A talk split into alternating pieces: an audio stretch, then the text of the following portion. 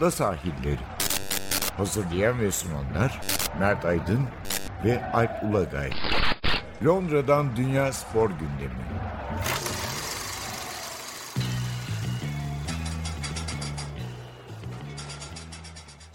Ada sahillerinden merhabalar. Ben Alp Ulagay. Ben Mert Aydın. 108. bölümle karşınızdayız. E, bugün neler konuşacağız? Premier Lig'de böyle sıkı bir hafta sonu geçirdik. Güzel maçlar vardı. E, çekişmeli çekişmeli bir sezon oluyor bunu söylemek lazım. Bir de polemik konuları var işte. Cavani ırkçı mı? Efendiciğime beyin sarsıntısı konusunda Evet, işte oyuncular sağdan çekilmeli mi? Evet yani o olay bence çok acayip bir olay ya. Evet. Ee, ama e, bir iki dakika, iki üç dakika şeye değinmek isterim. Tabii hala konuşuyoruz. Maradona üzerinde biz programda da konuştuk. Hı hı. Ayrıca Ercan abiyle siz de konuştunuz. İşte ben açık radyo röportaj yaptım falan. Hala tabii videolar çıkıyor vesaire. Şanslıyım tabii seninle program yapmaktan. Gerçekten. Ee, Sen onu söylemiştin. Yani özellikle sosyal medyada falan o kadar çok sen- sanki sen söylememişsin gibi hani Falkland Savaşı Arjantin'in ucunu aldı. Ne kadar çok gördük herhalde bu saçmalığı. Ee, bir de şey Maradona reklamda bile oynamadı. Asla kendi reklamları. bu kadar ya illa herkes bir tweet mimit atacak ya bir Instagram Ya, ya paylaşımı. böyle bir dünyanın e, gelmiş geçmiş kimine göre en büyük, kimine göre ikinci, kimine göre üçüncü en büyük futbolcusundan bahsediyoruz. Niye böyle başka işleri karışıyoruz? Ya bu adam büyük futbolcuydu işte bundan bahsedelim ya. Yani adamı normal olduğundan başka yerlere getirmeye çalışmıyorum. Olduğu yer zaten yeterince yüksek. Yeterince anlatılabilir. Ben de mesela şeyi izledim. Sen izledin mi bilmiyorum. İzlemediysen BBC'nin şeyinde var. E, Lineker'le 15 yıl önce yaptığı röportaj. Lineker Arjantin'e gidiyor onlara Evet. röportaj. Evet evet. İkisi de çok genç tabii. Çok vakit Evet, geçmiş. 15 yıl önceki halleri ama çok eğlenceli ve orada işte yani aslında gerçek Maradona'nın kim olduğunu net bir şekilde görüyorsun. Yani kimi zaman e, abartılı e, hatta ne bileyim çok abartılı. Kimi zaman çok samimi, çok e, sade bazen. Çok enteresan bir karakter. Biraz da o tabii çok fazla madde kullanımından dolayı bir dengesizlik de var genel olarak davranışlarında. Ama sonuçta bir insanın iyi büyük bir futbolcu olması her yerin her konuda çok başarılı olmasını gerektirmez yani. Bu bunu bir net bir şekilde görmemiz lazım. Yani Maradona e, seviyesinde, o üst seviyede hani gerçekten biri böyle sol görüşlü, işte devrimci falan diyeceksek bu adam yani çok net bir şekilde Brezilyalı Sokrates'tir yani. Hani onun onun e, dışındakiler öyle olanlar tabii ki vardır. Demokrat olanlar şudur budur. Onun arkasından gelirler. Yani en aktif şekilde e, bu işin peşinde koşan o seviyede söylüyorum. Teorisine Daha- kafa yormuş. Değil mi? Bu işin daha alt seviyede oynayıp tabii ki belki çok daha işin içine girmişler vardır ama o seviyede Dünya Kupası'nda çok üst düzey oynayacak, Avrupa'nın üst düzey kulüplerinde, Brezilya'nın üst düzey kulüplerinde oynayacak seviyede olup bunları yapan adam Sokrates'tir. Maradona'nın e, övmemiz gereken yönleri saha içindeki yönleri yani yetenekleri belki de bazı yeteneklerinin Messi ya da Ronaldo'da da olmadığını söyleyebiliriz. Ya ben mesela e, ne Messi'nin ne Ronaldo'nun e, Maradona seviyesinde takım içi lideri olduğunu zannetmiyorum. Saha içi lideri. Sağ gibi. içi, belki soyunma odası. Evet evet yani orada Hı. çok e, anladığım kadarıyla okuduklarımdan da söylüyorum yani hı. çünkü ben birlikte bir soyunma odasında bulunmadım ya da takım içinde bulunmadım ama e, çok enteresan şeyler oldu. Sen de okumuşsundur. Graham Sunus'un bir yazısı vardı Sunday Times'ta. Yok Graham Souness'u atlamışım. Onu görmedim. Evet 84-86 arasında o da Sampdoria'da oynuyor ve Karşılıklı Ee, oynadılar. karşılıklı oynuyorlar.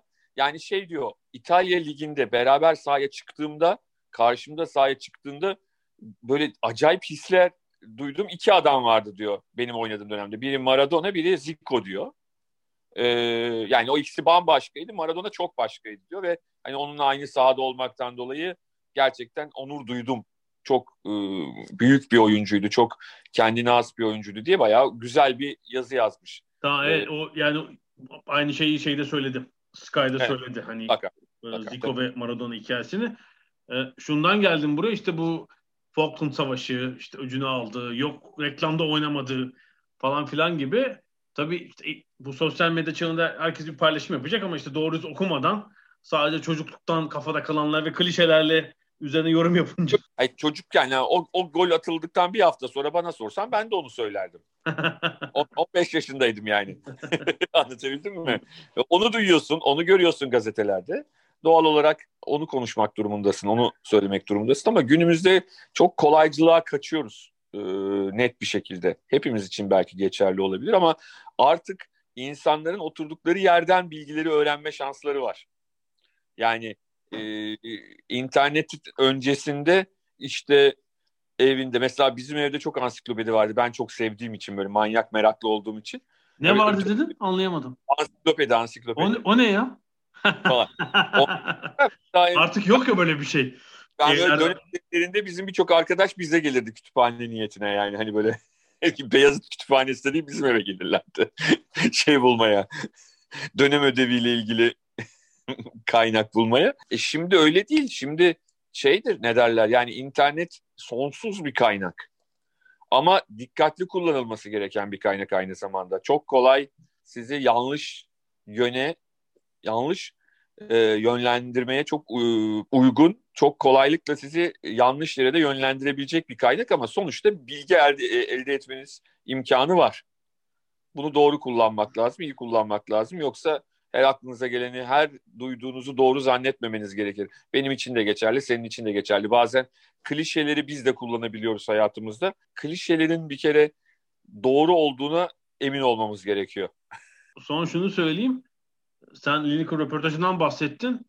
BBC FIFA'nın 1986 Dünya Kupası filmini yayınladı. Bir de 1986'daki İngiltere-Arjantin maçını Evet. E, maç önü, devre arası, maç sonuyla 120 dakikalık bir yayın halinde yayınladılar.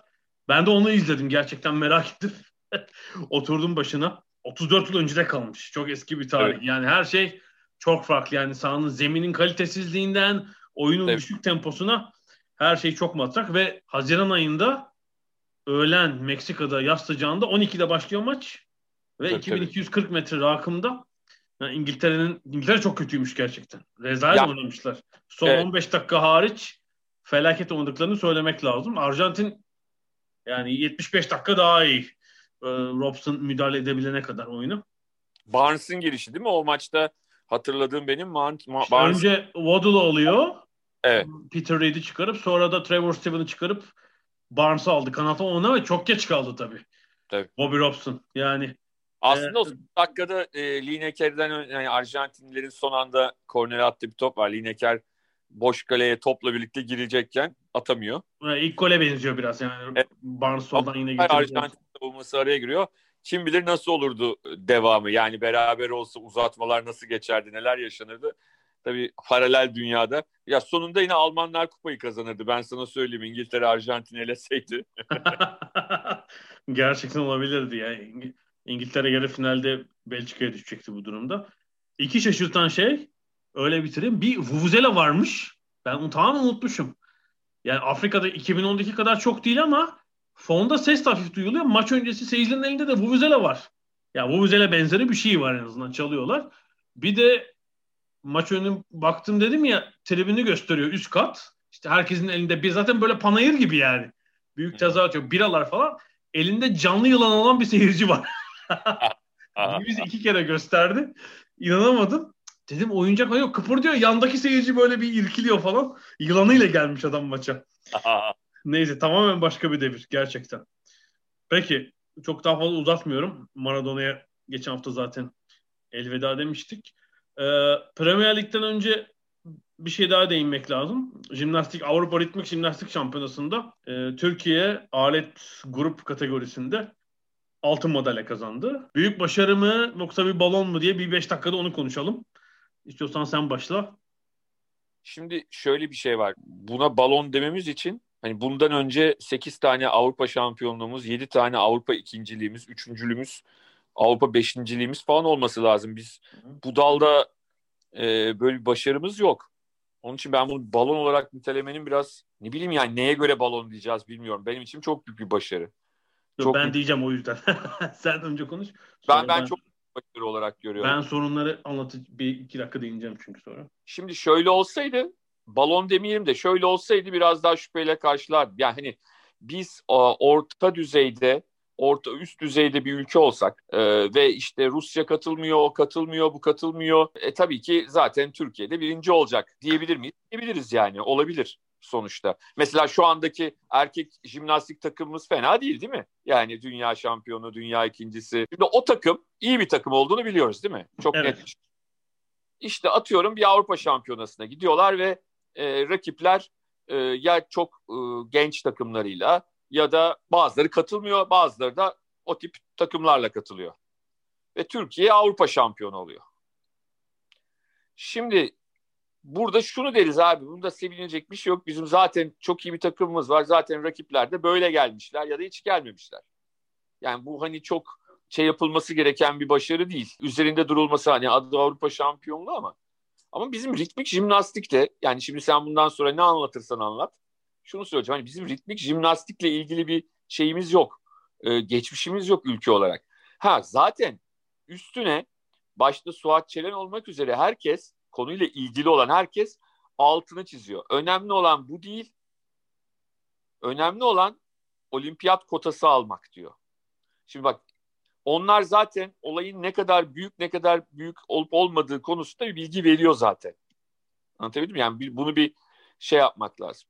Artı bu tip sporlarda ben bazı şeylerin büyütülmesi yanlısıyım. Olduğundan da yani ne, neyse onun üstüne de gitmesi. Çünkü başka türlü medyada yer bulma şansları yok. Bu çocukların da alttan gelen çocukların da e, bu tip bir motivasyona ihtiyaçları var. Benim düşüncem bu. Şimdi ben de ilk anda bir, bir iki gün sakladım yani böyle hani bir Twitter'da retweet etmedim. Baktım aa yani şaşırdım. Sevindim de sonra da Faruk Bildirici çok tecrübeli eski Hürriyet'ten meslektaşımız. Ee, o bana mesaj yazana kadar da detaylı incelememiştim. Sonra bakınca biraz e, meseleyi daha iyi anladım. Yani bu ritmik jimnastik Avrupa şampiyonası tamamen Covid yüzünden böyle bir B kategori şampiyonaya dönüşmüş durumda. Sporcu yollayan ülke sayısı her zamankinden daha az, yarısı kadar. Üstelik bunların neredeyse tamamına yakını takım kategorisine katılacak kadar sporcu yollamıyorlar ve bu işin piri olan Rusya, İtalya gibi ülkelerde bu da hiç yok. Ee, bir sürü önemli ülkede Zaten yani yoklar yani. Katılmıyorlar. Evet, bir sürü önemli evet. ülke de şeyini yollamıyor. Takım kategorisinde de sadece 6 ülke. Yani Türkiye'nin altı madalya aldığından bahsetmiyorum. Asıl olimpik olan takım kategorisinden bahsediyorum. Oraya sadece 6 ülke katılıyor. Mesela geçen senenin örnek 17 ülke katılmış. Bu sene 6 ülke ancak katılabilmiş. Dalın en yok. İkincisi bu ritmik jimnastik Avrupa Şampiyonası'ndaki dalların hepsi olimpik dal değil. Değil evet. Yani sadece bireysel genel tasnif ve takım kategorisinde olimpiyatta yarışıyorlar sporcular. Yani iki altın madalya veriliyor. İki altın, iki gümüş, iki bronz. Halbuki bu Avrupa Şampiyonası olduğu için bir sürü farklı dal var. Yani Türkiye'nin altın madalya kazandığı dal da olimpik dallardan biri değil. Yani hatta e, önceki yıl Avrupa Şampiyonası'na baktım. Rusya'nın pek de önem vermediği mesela Ruslar diğer bütün madalyaları süpürüyorlar. Bu e, iki aletle yarışılan grup e, yarışması denen yarışmada pek iddialı değiller. Yani Türkiye'de çok iyi bir yarışma çıkarmış. O oraya katılan altı takım arasında. Ukrayna'da son anda bir hata yapınca çünkü aynı puanla bitiriyorlar. Ukraynalılar son anda Ukraynalı kızlardan biri Labut elinden kaçırınca aynı puanda olmalarına rağmen artistik puanda sanıyorum hata puanıyla Türkiye altını aldı. Tebrik edelim altın için ama dediğim gibi yani bir normal herhangi bir yıldaki bir Avrupa Şampiyonası gibi değil. İkincisi bu olimpik dal değil ve yani Türkiye'nin ritmik jimnastikte olimpiyat kotası alması mümkün değil. Zaten kotalar verilmiş. Son kıta kotaları kalmış. Orada da takım kategorisine bakılıyor. Hani bireyselde öne çıkan bir sporcu da yok gördüğüm kadarıyla. Bir olimpiyat kotası da söz konusu olmayacak. Bence tebrik edilmesi gereken bir şey ama herhalde birçok yayın organında, hepsinde demiyorum, Avrupa şampiyonu olduk diye verilmesi. Avrupa şampiyonasında bir altın madalya aldı Türkiye. Tamam bir ilk ama bu kesinlikle şeyle belirtilmeliydi. Bunun yani bu yıldızlı bir şampiyona. Herhangi bir yılki şampiyona gibi değil. Yani çok az Ya, ay, ama yani kusura bakma bir şey diyeceğim. Hı hı, Bahsettiğimiz Türk spor medyası yani hı hı. e, hepsini içine almayarak şunu söyleyeyim. Yani bütün dünyanın en büyük yıldızlarının gelmesiyle gelmemesi arasında onlar için hiçbir fark yok ki. Yani Ama çünkü bu eksikliği vurgulamayalım mı yani? Biz bu Ben- eksikliği vurgulayacağız tabii ki. ben sana Ben, demiyorum. ben şimdi onun onların bilip, bilip bilmediklerini Fark burada yani. Ben olması gerekeni söylüyorum. Olması gereken buydu. Yani hani Burada bir zaten- burada bir burada bir hata ve eksiklik var. Bu böyle büyük bir başarı değil. Tamam. Tebrik edilmesi gereken bir şey ama e, şunu daha önce de konuşmuştuk. Ya bu olimpik dallarda haber yapan muhabir kalmadığı için federasyonlar tamamen kendileri yönlendiriyorlar. İstedikleri gibi şişirmeyi yapıyorlar. Bu işte bu yüzmesinden jimnastiğine, tekvandosundan halterine. Yani dört kişinin katıldığı yarışmada üçüncü olanı tebrik ediyorlar falan. Takip et- takip eden ve edecek kimse de yok bunları. Ee, ben biraz altını tebrik etmekle beraber e, başarının abartıldığını düşünüyorum yani burada. Benim Ben de Türkiye kendi içindeki sorunlar nedeniyle genel sporcu ben abartıldığını abartı gerekirse abartılması gerektiğini düşünüyorum öyle söyleyeyim. ben öyle düşünmüyorum çünkü Türk sporunun ben çok kötü durumda olduğunu düşünüyorum. Hayır, zaten istisna zaten- hariç. O yüzden abartılmaması çünkü tamamen sanki başarılıymış gibi gözüküyoruz. Çok kötü yani biz son e, 20 yılın en kötü dönemi Türk sporu için. Basketinden, futbolundan e, yani kadınlar voleybolu çıkarırsak belki bir iki nokta dışı yapabileceğimiz daha var. O yüzden bunu yapmayalım. Kötü durumda iyiymiş gibi gözüküyor yoksa. İyi değil. anlaşamadık. Neyse devam et. ya anlaşmamız gerekmiyor.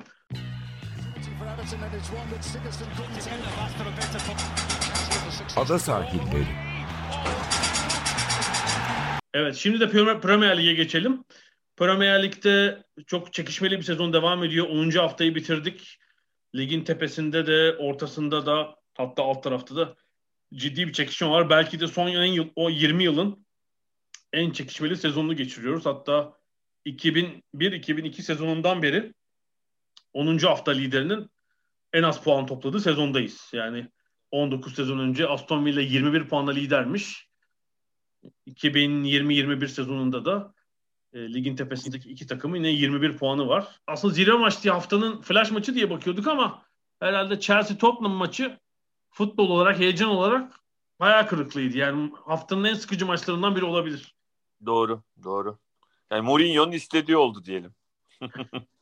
Tam büyük bir ustalıkla o bir puanı aldı değil mi? Evet, evet. Yani o konuda hiç mutsuz olduğunu düşünmüyorum.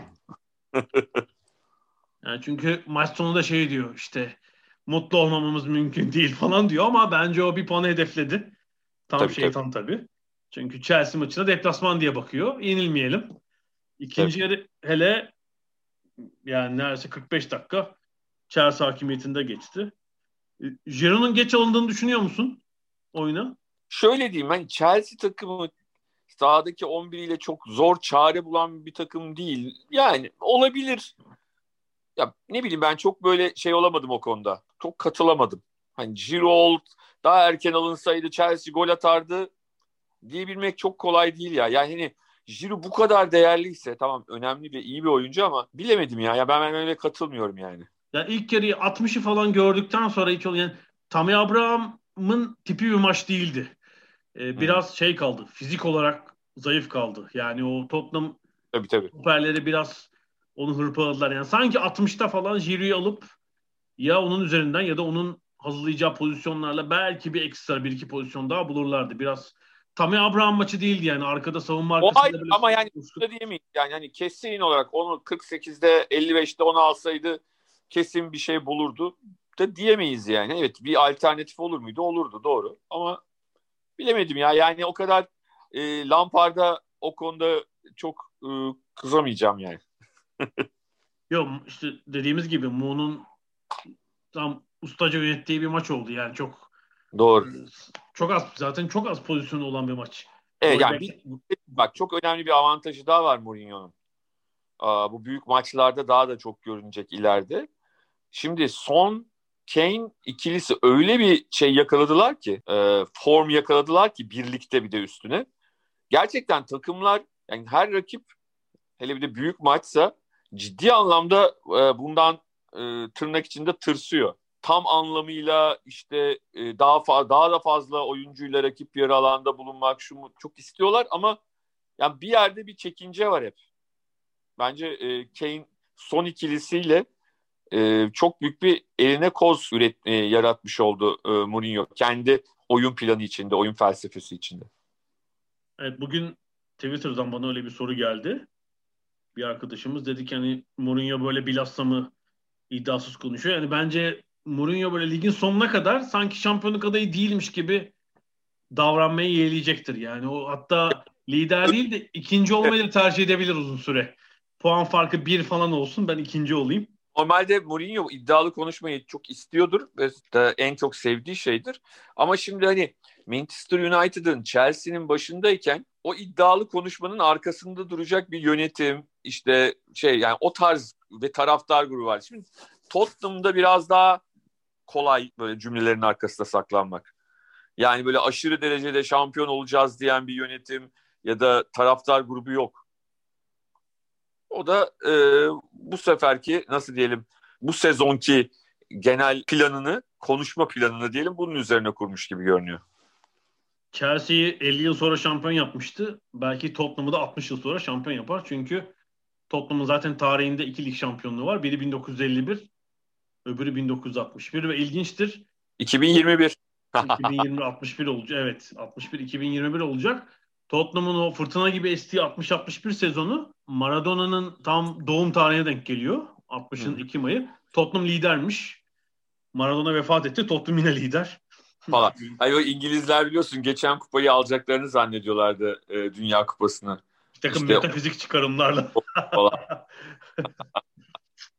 Peki yani çok hareket olmadığı için maçta çok üzerine durmuyorum. Tottenham zaten bize bol bol malzeme verecektir. Ben buradan United'a geçelim diyorum. Çünkü Manchester United için sanki böyle bir sezonun dönüm noktası gibi bir hafta oldu. Özellikle maçın ilk, ilk yarısını 2-0 yenik kapayınca ikinci yarıda biri mecburi, biri tercihiyle iki değişiklik yaptı United ve bence sezonun geri kalanını etkileyecek değişiklikler olabilir. Birinci kaleci Henderson'ın evet. De Gea'nın yerini alması. Bence bunu denemeli. Çünkü De Gea iki, iki sezondur falan e, ekstra bir iş yapmıyor. Ama. Henderson'dan şeyde görmüştük Sheffield United'da belki birkaç ekstra iş çıkabilir, kurtarış. Ya olmasa bile Dehe'ye belki birazcık aklın başına alır yani bilemiyorum. Bilmiyorum alır mı artık ama daha büyük değişiklik bizim geçen iki haftada sözünü ettiğimiz şey oldu. İlk 11'de oynasın mı oynamasın mı? İlk 11'i bırak 45 dakika oynadı. 2 gol, 1 asist. Edinson Cavani e, maçı evet. neredeyse tek başına aldı. Herhalde iki tane kaçırdığı pozisyon falan, 5 pozisyon falan evet. buldu zaten 45 dakikada. İnanılmaz bir katkı. Tabii son 10 yılda ben böyle düşündüm hani dünyadaki büyük santiforlar, santiforlar, golcüler işte değil mi? Messi Ronaldo'yu bir kenara koyuyorum. Suarez, Cavani, Ibrahimovic, Lewandowski. Lewandowski. Benzema'yı sayar mıyız en sonunda? Hadi Benzema falan. Zlatan. Tabii Zlatan. Yani düşündüm hani Cavani çok çok büyük takımlarda oynamadı aslında ama hani böyle gözümde şeyi katkısını hani büyük görüyorum. İşte burada da evet. hemen e, müthiş bir katkı yaptı doğrusu. Yani ilk goldeki verdiği pas da dahil. Süper. Ama yani o kafa gollerindeki zamanlaması maç sonu e, röportajda Solskjaer de söyledi. Yani timing dedi. Tam öyle yani. Büyük golcü Hı-hı. zamanlaması. iki harika kafa golüyle işi bitirdi. E, kondisyondan söz etmiştik. Yani bir şekilde ilk 11'de düşünmek zorunda herhalde onu. Yani takım için çok belirleyici olabilir. Ne diyorsun? Doğru. Yani ben kesinlikle yani yani Martial'e saygım sonsuz ama yani ara, ara, ara, aralarında e, ki fark anlatılacak gibi değil. e, tabii Martial daha genç ama kariyerlerinde genç. kaç kafa golü atmışlar söyleyeyim mi? Biri 51, biri 5. ya şu var. E, Martial'in bence öğrenecek çok şeyi var Cavani'den. Bir yandan da onu da söylemek lazım. Sadece Martial'in değil bence şimdi bu tip oyuncular hakikaten çok özel. Şimdi Cavani'nin karakterini bilmiyorum. Nasıl bir insan olduğunu bilmiyorum ama e, eğer biraz verici de bir insansa e, özellikle idmanlarda genç in, oyuncuların e, Manchester United'da öğreneceği çok şey var. Yani Cavani hakikaten usta diyeceğimiz oyunculardan bir tanesi. Hani dünyada rahatlıkla hani mevkiinde ya bu adama gö- gözün kapalı güvenebilirsin diyebileceğim bir adam. Tamamen fiziksel olarak hazırsa. Sonuçta bu adam şey liglerde oynuyor. Yani İtalya liginde oynadı yıllarca bu adam ya. Yani İngiltere Ligi evet sert tempolu bir lig ama yani sonuçta o da Cavani'de Malta Ligi'nden gelmedi. Fransa Ligi de e, çok yumuşak bir lig değil. O yüzden de Cavani fiziksel olarak iyi olduğu sürece açıkça söylemek gerekirse rakip için çok özel başka bir plan yoksa Martial'li farklı falan oynaması lazım diye düşünüyorum. Bence de kesin. Yani 60 dakika oynatır yorulduysa son yarım saat çıkarırsın falan bir şey yaparsın. yani bir kere abi şimdi düşünsene sen rak- klasik Türk muhabbeti yapayım mı? abi düşünsene şimdi rakibin stoperisin. Karşında Martial gelince mi korkarsın, Cavani gelince mi korkarsın? Cavani'yi görünce sakatın numarasını yatarım ben. Hatta ya. Hatta daha kötü Covid-19 olmuşum dersin. Öksür, suratına öksürürüm. Kadroya bile alınmazsın yani. Eyvah. Felaket. Felaket. Yani bence de öyle. Ee, ve işte hem onun etkisi yani Southampton ki ikinci yarıdaki Evet. tarz futbolu oynamayı seven bir takım değil. Yani Doğru. topa, topa daha çok sahip olup öndeyken bile biraz top çevirmeyi seven bir takım. Yani herhalde 40 dakika falan tamamen şey hapsettiler ceza sahası civarı. Yani United'dan da bu sezon sorun varsa hapsedersin yani. Ama Martial'le hapsetmen zor. Martial kötü diye değil. Yani Martial'in oyun e, şekli uygun değil senin onunla hapsetmene. Tabii O o yüzden- şey bekleyecek. Ara ara top bekleyecek. Savunma arkasında koşu yapayım ama hapsettikten sonra öyle bir alan yok ki zaten. Başka bir şey denemen lazım. Tabii. Tabii, tabii. Yani tabii ki şunu da altını çizelim. Yani Bruno Fernandes'in varlığı da çok önemli. Fernandes ve Cavani birlikte olduğunda bence çok daha şey ne derler. Bence Rashford için de daha rahatlatıcı Cavani'nin oynaması. Bakalım e, ama maçtan sonra yaşanan bir takım olaylardan dolayı Cavani'nin önümüzdeki günlerde e, Solskjaer istese bile ilk 11'e sokamayabilir. Evet. Bir ara verelim. O tartışmayı ondan sonra değineceğiz. Son şunu Tamam. söyleyeyim. Fernandes o Ekim ayında böyle bir fizik olarak düşüş yaşamış gibiydi. Çok normal. İyi takım sezonu çünkü iyi hazırlanamadı tabii. Çok kısa hazırlık dönemi. Onu bence tamamen atlatmış gözüküyor. Yani fiziksel formunu bulmuş gözüküyor. Bir de bence Solskjaer'de oyun şemasını buldu. Hani 4-3-3'te çok ısrar ediyordu. Artık baklava dörtlü orta sahaya döndü ve iki forvet. Onun da biri muhtemelen Cavani olacak ve bence Pogba bile ikinci planda kalabilir. Van de Beek'in de hiç fena oynamadığını ıı, görmüş olduk. Peki United için dönüm haftası dedik. Bir kısa bir ara veriyoruz. Aradan sonra Cavani'nin meselesi de dahil polemik konularına bakacağız.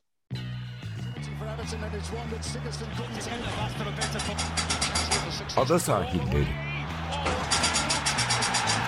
Londra'dan Dünya Spor Gündemi.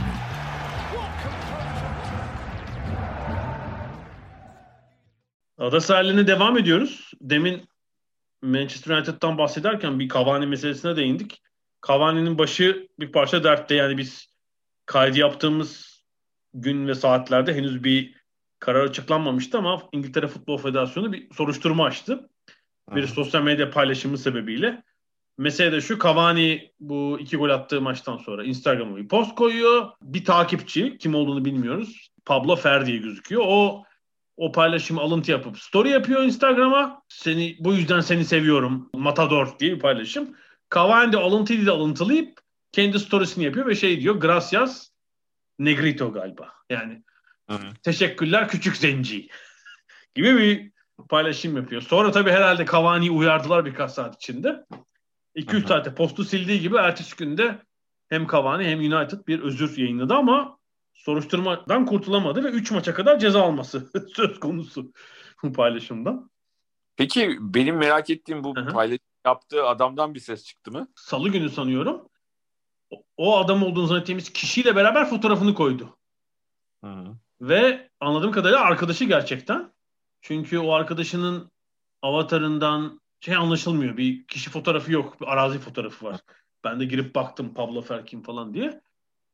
Dedim acaba gerçekten siyah birisi mi? Siyah falan da gözükmüyor. Şapka falan var ama hani aynı ten renginde falan birisi de gözüküyor ama anladığımız kadarıyla bu hani Latin Amerika'da hani kanka falan gibisinden bir terim yani. Hani Türkiye'de de böyle olabilir yani. Ne bileyim. Türkiye'de- Arap diye hitap eden birçok arkadaşımız var. Ya çok iyi söylüyor. Futbolu bir sürü oyuncunun lakabıydı ki ben en son e, İsmail Kartal hatırlıyorum. Sonra var mıydı bilmiyorum başka. Arap ismi. Yani onun dışında abi bizim NTV Spor'da birbirine Arap diye hitap eden arkadaşlarımız vardı. Yani Türkiye'de niye çünkü biraz böyle fazla esmersen Arap. yani bu şunu şöyle başına gelebilirdi mesela Cengiz Ünder İngiltere'ye geldi. Bir arkadaşı tebrik etti gol attı diye. O da şeyden sağ ol Arap diye yanıt verdi ve soruşturma açıldı. Böyle bir durum. Yani ben e, tamam İngiltere bu siyasi doğruculukla çok titiz bu meselelerde. Hiçbir yanlış kelime kullanılsın istenilmiyor. İşte color dedi diye federasyon başkanı gitti falan. Ya, ceza ama burada bir kötü niyet yok. Arkadaşlar arası bir muhabbet var yani şey yapılır. Uyarırsınız. Demek ki daha iyi bir kulüp içi eğitim. Hani şunları kullanmayın. Bir tek İngilizce değil. Kendi dilinde de işte negro Evet. negrito yazma. Hatta bire para cezası ama yani E- Hele bir de maçlarda rakip oyunculara bunu söyleme. Yani şeyle Suarez'le falan kıyaslanmış da bu Suarez'le pek kıyaslanacak bir şey gibi gelmedi. Ya yani. o da negro kelimesini kullanmıştı ama Ama bir de yani evet. saha içinde didişiyorlar. Hakaret olsun diye kullanıyor yani. Hani bir arkadaşın yani orada öyle bir e, şey var, fark var. Çok ciddi şekilde. böyle bir garip durum var. Yani tam Cavani bulmuşken 3 maç oynamazsa bir de büyük bir komedi olur gerçekten. Buradan. Bu arada Anton Ferdinand belgeselini izleme fırsatı buldun mu? Daha henüz izlemedim. Yok izleyeceğim. Daha henüz izlemedim. Evet, ben de pazartesi BBC'de yayınlandı. Türkiye'de de galiba bir devre oynamıştı. Yani Bursa Spor'da mı oynamıştı? Oynamıştı evet evet. Ee, Rio Ferdinand'ın kardeşi onun 2011'de John Terry tarafından bir ırkçı hakarete uğraması ve peşi sıra işte e, O kanıtlanamamıştı ama hatırladığım kadarıyla.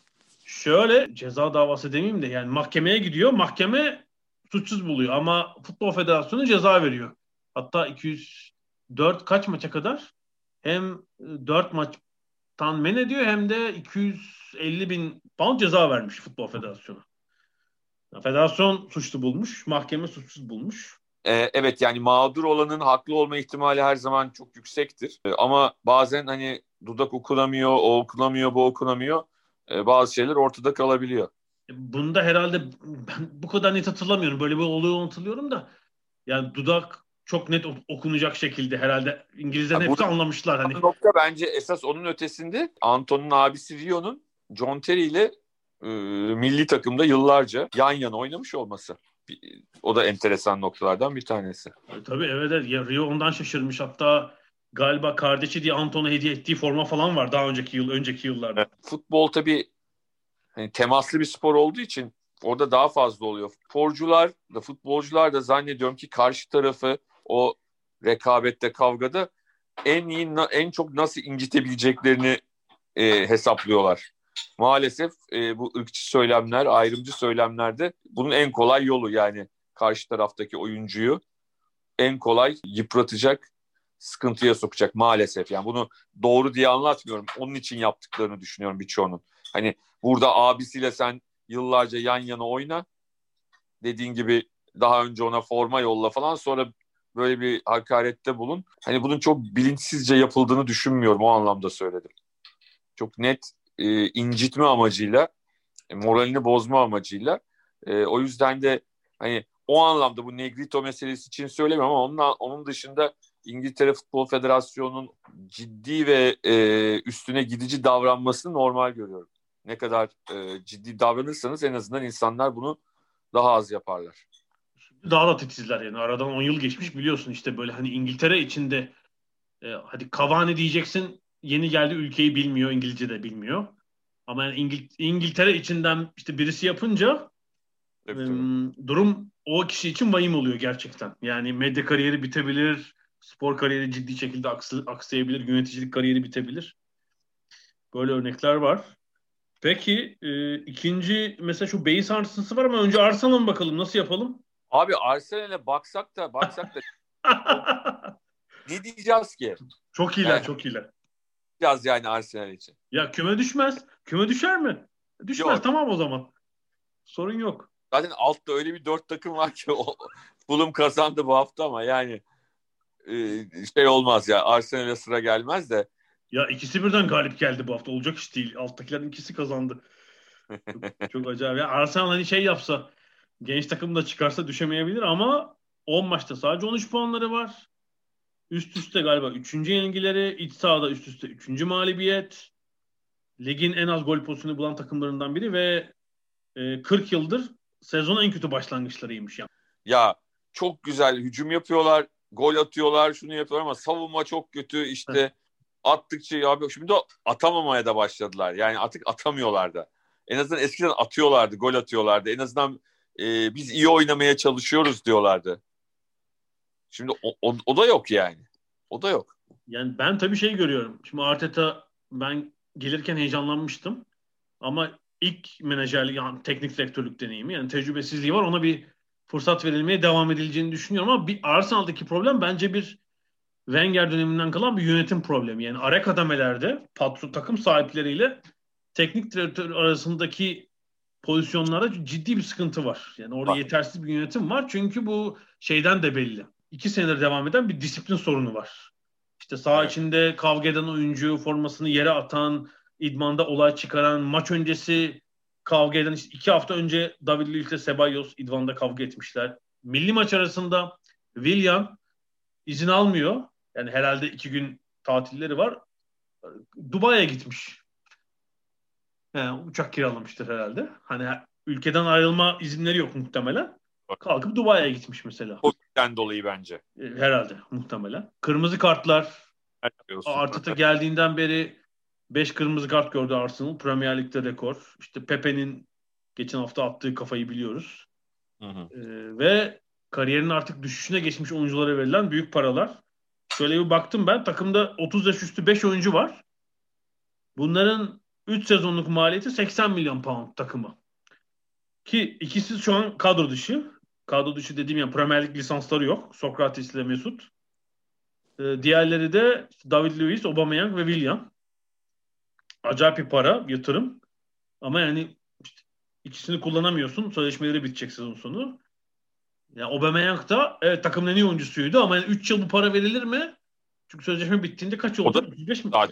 Yani onun da hani bu oyun planında e, etkisi de kalmadı. O zaman kontratı tartışılır. Şimdi Aubameyang şu anda 15 tane gol atmış olsa sezon başından beri biz onun kontratını ta- e, tartışmazdık. Niye bu yaşta bu kadar para verildi de bilmem kaç yıl verildi falan diye. Ama işte performans da olmayınca takımda bunların hepsini tartışmak durumundayız. Yani o zaman hani e, bütün disiplinsizliğiyle e, Mesut bile hani ben olsam daha mı kötü olacaktı diye soruyor olabilir yani şu anda. Zaten işte transfer mevsimine kadar kaldı? Bir ay kalmadı. Bir kaç Ocak? 2 Ocak mı? 3 Ocak mı? Hı-hı. Ara transfer dönemi başlayacak. Ya şu konuşulacak takım kötü olunca. Ya Mesut'u Premier Lig kadrosuna geri mi alsanız? Bir fırsat mı verseniz? Bakın yaratıcı oyuncu yok. Sonuçlar kötü olunca tabii bütün bunlara doğru, fırsat doğru. çıkacak. Fırsat ha, ne derler? Kör öldü, badem gözlü oldu denir ya. ya oldu yani şu anda Mesut ben eminim şimdi 100 tane Arsenal'li taraftarla stadın önünde konuşsak gidemiyorlar stada ama diyelim geldiler konuştuk. Yani çoğu abi gelsinler yani. Şey ne derler çünkü şu anda kötü takımda olmayan adam kötü giden takımda olmayan adam en böyle umut bağlanan adam olabilir. Genelde öyle olur yani bir takımda bir oyuncu o takım kötü giderken sakat ya da işte böyle kadro dışıysa sanki hani o, o, o gelirse her şey çok e, düzelecekmiş gibi hissettirir insanlara. Evet yani bir yaratıcı oyuncu eksikliği, eksikliği de açık kadroda. E şöyle YouTube'da da ilk geldiği sezondan 3 tane maçı izle üst üste. E o Arsenal'li fanatiklerin evinde DVD'leri falan vardır onların. Düşünsene o ilk geldiği sezondaki birkaç tane maçından izle üstüne içersin yani. Yapacak bir şey yok. Süt içersin yani. Bütün büyükler iyi kötü biraz toparladılar. Ee, ve evet. hepsi yani ben hafta ilerledikçe işte maç eksik olan iki Manchester takımının da ilk dört civarına yaklaşacağını düşünüyorum zaten. Önünde nihayet ve açıldılar. Golleri attı Manchester City. Yani o birer eksik maçını kazansalar işte biri biri dördüncü, biri beşinci oluyor zaten.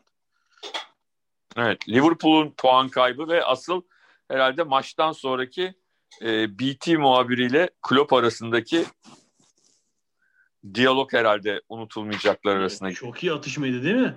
Cumartesi 12.30 maçını Sky BT Sport yayınlıyor. Onların şeyi, slotu, seçeneği. İşte Liverpool'u seçmişler galiba üçüncü kez. E, maç sonunda 8,5 dakikalık bir şey oldu. Maç sonu röportajı saha içinde. E, 6,5 dakikası falan şeye ayrıldı. Ee, Klopp'un teşekkürler, tebrikler demesiyle başlayan bir... Milner'ın sakat, Milner sakat değil mi falan diye sordu. Ee, o da evet tebrikler dedi ve oradan sonra olay koptu. Ondan önce bir 2-3 dakika normal bir muhabbet var maçla ilgili. Milner'ın da sakatlığı falan dedikten sonra koptu zaten. Ve şeyin BT Sport'un muhabiri bu arada görmüyoruz. Biz sadece Klopp'u görüyoruz. Evet. izlerken muhabirin sesi duyuluyor. Muhabir Des Kelly. Des Kelly de geri adım atmadı. Bu diyor evet. sizin seçiminiz. Siz onayladınız diyor programı. Siz CEO'nuzla konuşun, yönetiminizle konuşun. Premier Lig'in verdiği karar. Hiç geri adım atmadı yani. Gayet evet, evet. sıkı bir polemik evet, gitti. Zaten diyelim ki BT yaptı yani bu Des Kelly'nin yaptığı bir şey değil teknik olarak yani tek başına onun yaptığı bir durum değil yani. Muhabir ne yapsın zaten. Sonra Klopp da dedi hani şahsen sana söylemiyorum hani kanala söylüyorum ben BT Sport ama bu arada herhalde salı günü çıktı. Kanal yöneticileri hiç memnun değillermiş bu durumda. Yani şey çünkü geçen sene de aynı şikayette bulunmuş. Hatta önceki sene de galiba. Sürekli haftalık maç programı erken oynuyoruz, şöyle oynuyoruz falan. Ee, işte biz yılda 800 milyon pound veriyoruz hani bu hak ettiğimiz bir eleştiri değil şeklinde anladığım kadarıyla bir Premier Lig tarafına ulaşan bir şey var BT Sport tarafından. Ama ilginçti yani. Tabii şöyle bir şey Klopp e, beklenmedik bir puan kaybı oldu. Duraklamada var müdahalesiyle verilen penaltı falan yani o eksik kadroyla 3 puanı çıkardık gözüyle bakıyordu. Orada bir veriştirecek evet. bir şey aradı yani. Kendi oyuncularını yapamayacağı için. Şunu söyleyeyim. E, Brighton'ın en az bir puan hakkıydı. Yani maç içinde daha iyi olan taraf Brighton'dı. İşin diğer tarafından bakarsak. E, tabii tabii. Bir, zaten ilk yarı penaltı kaçırdılar. Mope'nin kaçırdığı. Evet. Penaltı var kesinlikle. Brighton zaten herhalde oynadığı futbolun puan olarak karşılığını alamamış ender sayı takımdan biri. Yani daha yukarıda olmaları lazım. Bu sefer evet. var. Onlara yaradı. Yani Liverpool'un iki golde Ama şunu söyleyeyim abi bu pek, pek de yani itiraz zaten Klopp da kabul etti penaltı dedi ya son pozisyonu hani Henderson falan çok itiraz ettiler. Klopp yok ben izledim penaltıydı dedi. Yok bence 3 3 3 var kararı da haklıydı da yani öyle Hak. duraklamada işte puan tam 3 puanı kaptık bir giydirecek birisini arıyor. Bazen hani suyunu onlar da çıkarıyor biliyorsun Varda. Ee, yani öyle bir pozisyon değildi bu yani hakikaten maçın aslında maçın hakeminin görmesi gereken bir penaltı pozisyonuydu. Ama şöyle söyleyeyim. Liverpool'un hani yedeklerle oynadığının özellikle savunmasının ana oyuncuları olmadığındaki içler acısı hali penaltıların ikisinde gizli yani. Hele ilk penaltı Williams yani, yaptı değil mi? Williams tabii, yani evet. e, amatörce yapılmış bir penaltı. Evet yani genç bir oyuncu tecrübesizlikle muhtemelen ilerleyen yıllarda daha eğer e, üst düzeye çıkarsa öyle bir penaltı bir daha yapmayacaktır ama işte e, Trent Arnold, Trent Alexander Arnold gibi bir oyuncuyu olmayıp onun onun oynadığı bir yerde doğal olarak maalesef böyle şeyler de yaşanabiliyor.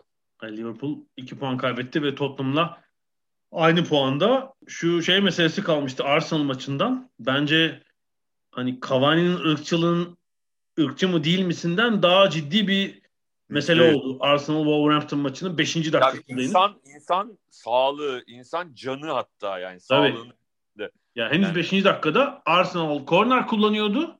Ee, Raul Jimenez Wolverhampton'ın Santifor'da savunmak için ön direğe gelmiş ama David Luiz öyle bir geriden gelip kafa attı ki yani topa vuracağına seyirci de olmadığı için hı hı. ekran başında biz bile duyduk. Şeyde de görebilirsiniz. Maçın özetlerinde ben de var. Görmesi, evet. görmemiş görmesine gerek yok. ee, çok fena. İki oyuncu da yere serildi ve 10 dakika tedavi sürdü. Hatta bir ara dedim sağ içinde futbolcudan çok sağlık görevlisi var. 15 kişi falan vardı herhalde. Neredeyse. O da Raul Jimenez'in durumundan kaynaklanıyor. İşte oksijen verildi. Sedyeye kondu. Neyse öğrendik ki bir hayati durum yok ikinci yarıda ama kafatası çatlamış. Ertesi gün o Londra'da kalıp ameliyat oldu. Pazartesi günü. Benim yani beğendiğim ama bir de pozitif tavrı üzerinden sevdiğim de bir oyuncu. Çok üzüldüm. Doğrusu. Umarım döner ama böyle biraz fiziksel de oynayan bir oyuncu için çok dezavantaj evet. yaratacak bir e burada asıl şey tartışılan sonraki bölüm herhalde değil mi? David Luiz'in. Evet. Şimdi Raul Jimenez zaten oynayacak bir durumu falan yok. Adam can çekişiyor. Neyse can çekişmiyormuş da yani durumu kötü. O çıktı. David Luiz ise kanlar içinde. Onda herhalde bir çatlak kırık yok ama işte yarık var.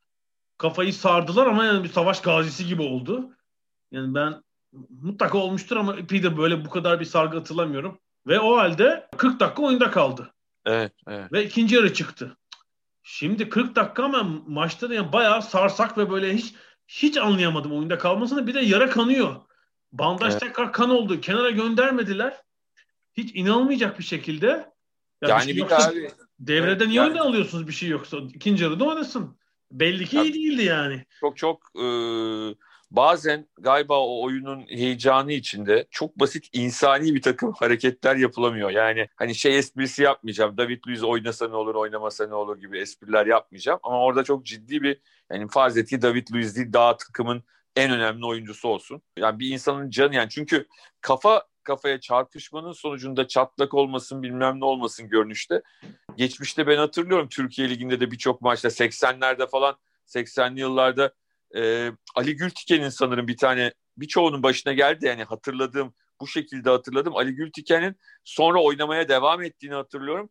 Maçtan sonra hiçbir şey hatırlamadığını söylemişti. Yani maçta oynuyor devamında pozisyonun artık 20 dakika mı 25 dakika mı ne maçın sonuna kadar Maçtan sonra soruyorlar hiçbir şey hatırlamıyor. Ne skoru hatırlıyor, ne saha içinde ne yaptığını hatırlıyor.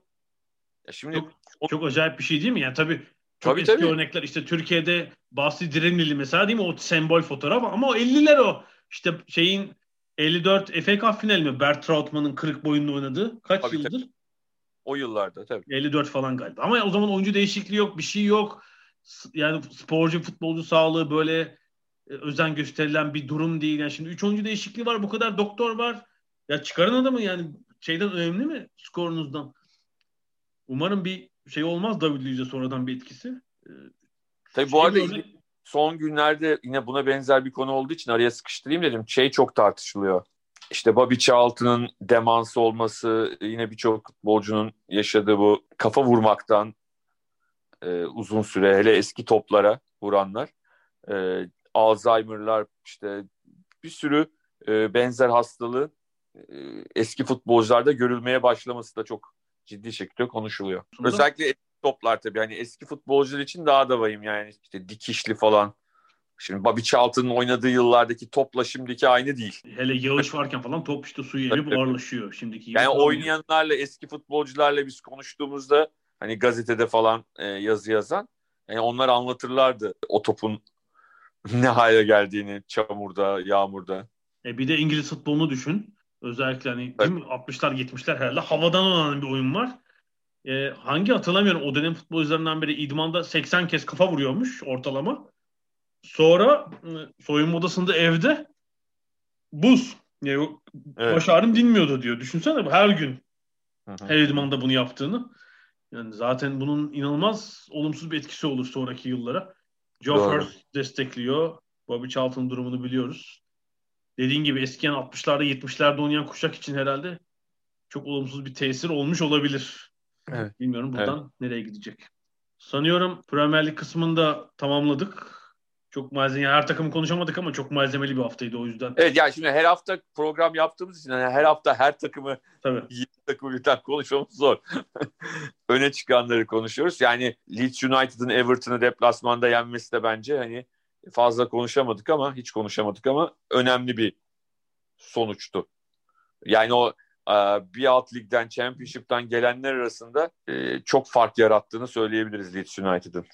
E, işte öbür ikisinin toplamından fazla puanları var zaten. Yani e, şöyle bir şey var. Burada bir Leeds United'la tanışmıştım. Leeds United'lıyla. E, sezon başlamadan önce şey demişti. Yani bu sezon bizim için hani seyirci de yok zaten demişti. Bizim için önemli olan orta sıralarda düşmeden kalabilmek demişti. Şu anda aynen dediği oluyor. Hatta biraz daha gayret ederse hani orta üstte bile çıkabilir yani.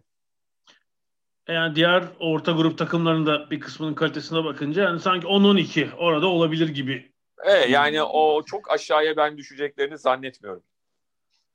Yok evet mesela hani oyun kalitesine bakınca Newcastle'dan, Crystal Palace'dan, şu andaki Arsenal'dan onlardan daha iyiler açıkçası mesela onu söylemek lazım. Hatta mesela Everton yendikleri Everton'ın son haftalardaki halinden de daha iyiler. Doğru. Leeds yani çok kaybettikleri maçlarda bile çok hiçbir zaman seviyesi çok düşmedi. Leeds United için çok performanslı evet, oynamıyor. Kaybedildilerdi ama kazanlar hani e, kim at, atanın kazanacağı bir maç oynandı. E, ki hani Tottenham Chelsea maçında 0-0 bitti. Hani bu maçta 1-0 ama bu maçta çok pozisyon var kaçan iki takımdan da. E, Everton Leeds maçı daha eğlenceli bir maçtı. Sadece bir gol Evet olması. evet. Yok kesinlikle. 1-0 yanıltmasın. Çok e, şey maç oldu. Sıkı bir maç oldu. Peki bu Avrupa Premier Lig, Avrupa Premier Lig diye fikstür devam ediyor. Yani hafta içi Avrupa maçı oynuyor 7 İngiliz takımı. Hafta sonu lig maçı. Bu arada Cuma günkü Aston Villa Newcastle değil mi? O maç ertelendi. Covid yüzünden bu sezon ertelenen ilk maç. Çünkü Newcastle'da tesislerde sonucu, test sonucu pozitif çıkan o kişiler ve oyuncular var. Bu sebeple Cuma günkü maç ertele ilk defa bir erteleme var bakalım fikstürde. Ee, onu nereye sokacaklar? Çünkü neredeyse hiç boşluk yok. Evet. Ve Aralık ayında da Avrupa Ama- maçları bit- bitince de kupa maçları başlayacak bu sefer. Var ama Aston Villa ile Newcastle'ın Avrupa'da olmaması bence bir avantaj. Yani Ee, işte onu yine sokabilmek açısından. Evet sonra da yani daha hani e, eleme turları başlayınca da oraya bir yere sıkıştırabilirler. Yani şu Aralık'ta belki olmaz da Şubat, Evet, evet. Mart'ta bir yere sıkıştırabilirler. o ellerinde bir avantaj ama ilerleyen haftalarda e, Avrupa'da oynayan bir takıma da e, Covid piyangosu vurabilir yani. Peki bu haftalık bu kadar diyelim. Hepinize teşekkür ediyoruz. Gelecek haftaya kadar görüşmek üzere. Görüşmek üzere.